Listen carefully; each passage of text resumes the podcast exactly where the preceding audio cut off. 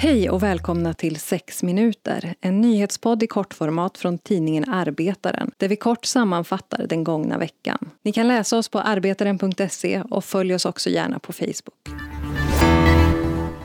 En klubbordförande i Handels fråntas sina fackliga uppdrag då hon samtidigt representerar Sverigedemokraterna i en skånsk kommun. Fallet har tidigare överklagats av den tidigare klubbordföranden men nu har frågan avgjorts i en skiljenämnd. I domen från skiljenämnden menar man att det är oförenligt att representera både Handels och Sverigedemokraterna då partiets ideologi inte överensstämmer med fackets värderingar. Handels förbundssekreterare Mats Hedgren säger till Arbetaren att det bland annat handlar om SDs syn på adoption i samkönade äktenskap och frågan om synen på muslimer. Den före detta klubbordföranden utesluts dock inte ur förbundet men tillåts inte ha några förtroendeuppdrag så länge som hon samtidigt representerar Sverigedemokraterna.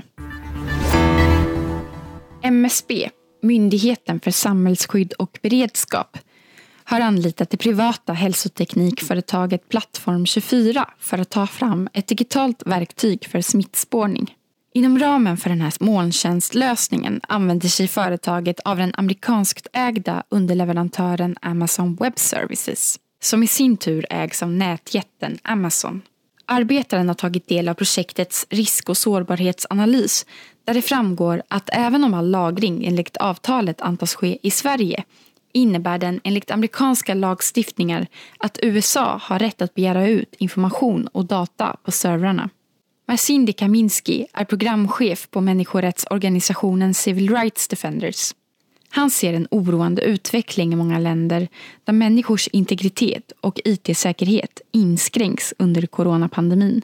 Marcindi Kaminski menar att många länder runt om i världen tar fram lösningar på kort tid och att viktiga rättsprinciper då sätts åt sidan. Vi samlar in den här datan och hoppas på att det här kommer vara lösningen på den här plågan. Så åsidosätter man lite grann av de här andra principerna som man skulle kunna tänka sig var viktiga.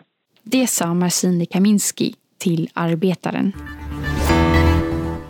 Arbetsmiljöverket hade på tisdagen fått in sammanlagt 1128 anmälningar om tillbud med koppling till coronapandemin. Men det som sticker ut är antalet gånger som skyddsombuden stoppat arbetet. Under de senaste tio veckorna har det lagt sammanlagt 75 skyddsstopp. Det är fler skyddsstopp än under hela föregående år. De allra flesta, både anmälningar och stopp, är kopplade till vård och omsorgssektorn. Men två är transportsektorn och typfallet är händelser i kollektivtrafiken. När det gäller anmälningarna om tillbud så sticker de över tusen anmälningarna egentligen inte ut i jämförelse med samma period förra året. Det som skiljer är att antalet nästan uteslutande är kopplat till just coronapandemin. Och nu utrikes. 64 länder, varav många i Afrika söder om Sahara, la förra året mer pengar på att betala av utlandsskulder än på hälsovård. Samtidigt som världens fattigare länder vacklar under trycket av covid-19-pandemin lider de av tunga skuldbördor. Libanon lägger omkring 41 procent av sina intäkter på att betala skulder. Sri Lanka lägger 48 procent och Angola 43. I april enades G20-länderna om uppskov av skuldbetalningar året ut för de allra fattigaste länderna. Detta för att de skulle kunna hantera coronapandemin. Flera organisationer menar dock att ett tillfälligt uppskov inte är tillräckligt. Sarah Jane Clifton, chef för Jubilee Death Campaign, säger att G20-ländernas åtgärd är ett första steg för att ta itu med skuldkrisen i coronavirusets spår, men att mycket arbete återstår. Hon säger att dagens uppskov kan bli morgondagens skuldkris om inte skulderna avskrivs helt. Och nu över till sista ordet med Annie Hellqvist. Häromveckan släppte det ukrainska företaget Biotexcom som förmedlar surrogatgraviditeter en video. Kameran sveper över en sal där rader av spädbarn ligger i små plastlådor på höga ben. De beställande föräldrarna kan inte komma och hämta dem eftersom Ukraina har stängt gränserna till följd av viruspandemin. I rummet rör sig munskyddsförsedda barnvakter som tar hand om de 46 spädbarnen. Handskbeklädda händer ses stryka bebisen över kinderna. Vissa av barnen har blivit starka nog att hålla upp huvudet själva. Hur gammal är man då? Två, tre månader ungefär. Jag undrar om de någonsin har känt någon annans hud mot sin eller bara blivit tagna i med handskar. Dubbade röster berättar hur barnen matas med bröstmjölksersättning och stadigt går upp i vikt. Och hur bebisarna får facetima med sina föräldrar som kontinuerligt kan ställa frågor och få information om barnet.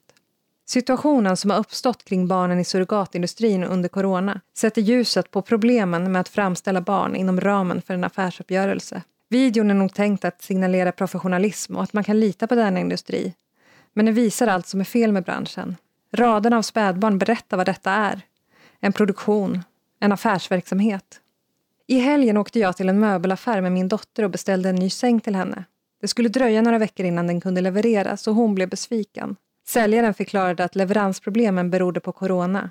Hjulen snurrar inte lika snabbt just nu, sa hon. Det är helt okej okay när det gäller en säng. Det är inte okej okay när det gäller ett barn.